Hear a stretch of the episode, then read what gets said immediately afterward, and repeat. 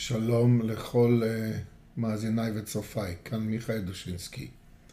ערב שבת קודש פרשת בראשית. אנחנו התחלנו את השנה באסון נורא שקרה לנו בשבת שמחת תורה שעברה. הוא ממשיך ועדיין אנחנו בתוכו, אנחנו בתוך מלחמה עקובה מדם להצלת האנושות מהרוע והרשע של כל האנשים שרוצים להשמיד את היהודים כולם בכל מקום שהם.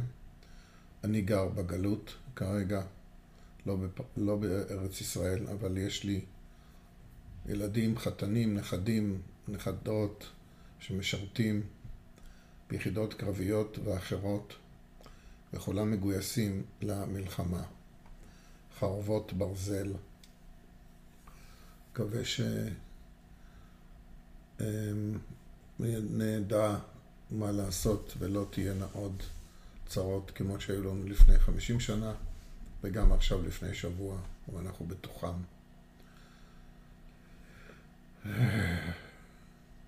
בני משפחה שלי נמצאים עכשיו בשבי, אישה בת 86, סבתא של חתן של בת דודתי, ועוד אחרים נתפלל לכולם, שיחזרו בשלום. אני מנסה להביא קצת אור מספרו של דודי בעקבי פרשיות אל תוך החושך והערבוביה של אור וחושך. אז הכותרת היא כאן בראשית, כיצד נברא העולם. ומתחת לכותרת הראשית הזאת שכיצד נברא העולם הוא מביא מספר פסוקים ועל כל פסוק הוא אומר איזושהי דרשה. אתם אומרים עם כותרת משנה, כיצד נברא העולם, אחר כך יש לך אור אמר ויהי, על אותו פסוק, ואז יש לך כותרת חדשה, קרני אורה, קרני אמת, וההבדל אלוהים בין האור ובין החושך. מה זאת ההבדלה בין האור ובין החושך? אז בואו נראה לאן לוקח את זה הדוד, זה קצר ולעניין. גם לאחר מכן, אומר, אולם גם לאחר מכן, הוא ממשיך מה שהיה שם. שהקדוש ברוך הוא ברא, ויאמר אלוהים יהי אור, אמרתי ונעשה רצוני, שזה ראשי תיבות אור, יפה מאוד.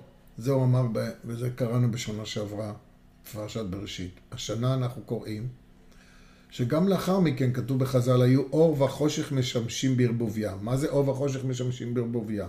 למה הכוונה?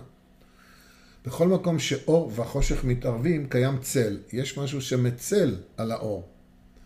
אם דבר מה חוצץ בינינו ובין מקור האור, האור שוב אינו מגיע אלינו ישר ממקורו, כי אם בעקיפין, כן? יש לנו כאן אה, מקור אור, נגיד כאן למעלה, כאן יש דבר שמצל, שחוסם, אז האור מגיע לא ישירות מהמקור, אלא מסביב. ואז אנחנו נתונים בצל. אבל, הוא אומר, אלוקים ציווה יהי אור ולא יהי צל. ועל כך באה התפילה שמופיעה במסכת ברכות, בתוך התפילות שהאמוראים שונים היו אומרים בסוף תפילת העמידה, יהי רצון שתעמידנו בקרן אורה ולא בקרן חשיכה. מה הכוונה? שנזכה באור בהיר וזך הבא ישירות ממקורו ולא בקרן חשוכה, זאת אומרת באור, אבל שלא עובר באופן ישיר, שהאור אינו מגיע עדיה אה, אל, המקור, אל המקום שהוא צריך להגיע, אלא בעקיפין, מהצדדים, כי המקור עצמו הוא מוצל. ואז הוא אומר, למדנו בחוכמת הטבע, כי כל נקודת אור יכולה להפוך מקור אור, כמו הירח. זאת אומרת, עכשיו הוא אומר, יהי רצון שאנחנו נקבל את האור ישירות, ללא המחסום הזה. זה דבר אחד.